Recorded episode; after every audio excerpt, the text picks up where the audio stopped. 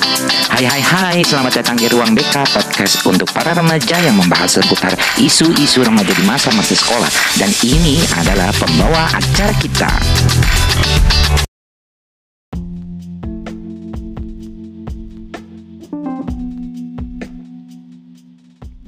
Halo teman-teman akademika, welcome back to podcast Ruang BK. Apa kabarnya nih teman-teman semua? Gimana ujian SBMPTN-nya? Semoga apa yang sudah teman-teman lakukan diberikan jalan yang terbaik oleh Tuhan Yang Maha Kuasa. Episode kali ini kita akan membahas tentang bocornya soal SBMPTN tahun 2022. Lagi, lagi, dan lagi Tiap tahun sepertinya selalu ada kejadian ini. Terus gimana kita menyikapi permasalahan ini? Jujur, entah dari zaman kapan, mungkin sejak ada yang namanya ujian kelulusan atau ujian kenaikan kelas, pasti selalu ada yang bocorin soal setelah kakak perhatikan mulai dari zaman kakak sendiri sampai dengan sekarang, alasan mengapa si penyebar ini melakukan adalah karena kebutuhan uang. Apalagi banyak teman-teman yang membutuhkan dan panik ya saat mendekati ujian. Jadi uang akan dengan mudah mengalir dari tangan teman-teman. Pertanyaannya adalah apakah ini akan bermanfaat buat teman-teman?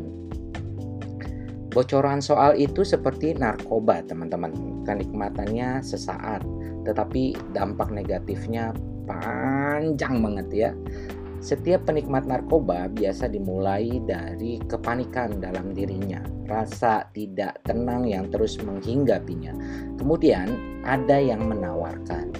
Karena penikmat narkoba ini merasa dirinya membutuhkan dengan segera, akhirnya dia pun membelinya setelah menggunakannya, dia merasa bahagia. Situasi ini mirip banget ketika kita mau ujian. Rasa tidak tenang pasti selalu dihinggapi oleh semua pejuang ujian. Ketika ada yang nawarin soal ujian, karena kita lagi butuh saat itu, akhirnya kita pun membelinya. Dan pastinya bahagia ketika kita mendengar bahwa kita lulus dari ujian itu. Tetapi Penikmat narkoba ketika mengalami situasi yang sama akan terus mengulangi kejadian sebelumnya di mana ia merasakan kenikmatan yang memang diinginkannya. Begitupun pejuang ujian setiap mau ngadapin ujian apa pun itu ujiannya, kapan pun itu ujiannya, di mana pun itu ujiannya pasti akan berburu soal ujian. Gak pernah mau berhenti. Jadi Candunya hampir mirip, cuma barangnya aja yang berbeda. Dan setiap menghadapi ujian ya pasti akan seperti itu, terus menerus. Bahkan nanti ya saat kuliah ketika mau ujian pasti dia akan cari kisi-kisi atau bocoran soal. Pasti. Dan pada akhirnya Ketika penikmat narkoba ini mengetahui bahwa dirinya tidak bisa berhenti dari barang tersebut, dia mungkin akan mengalami kematian atau masuk penjara atau masuk pusat rehabilitasi. Sementara pejuang ujian ketika tahu dirinya harus berhenti atau ketika tahu dirinya tidak bisa berhenti, dia pasti akan mendapatkan kekecewaan. Karena dia pasti akan tahu bahwa dia akan dapat nilai jeblok dan stres pastinya. Malu ya sama orang tua sama teman-teman sekitar ya karena dia nggak pernah tahu rasanya mempersiapkan diri bagaimana, mempelajari prosesnya bagaimana, dan nikmat hasil keringat sendiri.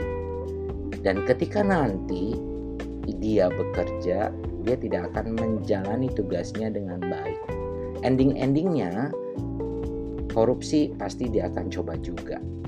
So, saran kakak, meskipun kita harus menerima kenyataan bahwa ada ketidakadilan saat kita berjuang, tetaplah terus berusaha.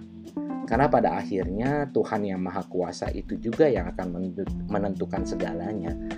Setiap keringat yang kita keluarkan ketika berusaha, pasti Tuhan akan membalasnya suatu saat nanti. Makanya, ada kata-kata indah pada waktunya. Hanya saja, manusia itu selalu inginnya tuh buru-buru cepet-cepet pengennya tuh segera gitu ya nafsuan nggak sabar. Al alhasil ya semuanya akan berantakan. Jadi ketika teman-teman ditawarkan atau menerima informasi adanya bocoran soal cuekin aja teman-teman ya. Tetap fokus pada rencana belajar yang sudah kalian susun. Jauhin mereka untuk sementara waktu. Kalau di sosmed nggak usah buka handphone lah guys ya jadi yakinkan pada diri sendiri bahwa kita akan lebih baik dari mereka. Percayalah Tuhan itu maha mengetahui. Insya Allah semuanya akan dipermudah. Terus berjuang bersabar dan berdoa agar berhasil dan sesuai yang kita inginkan ya.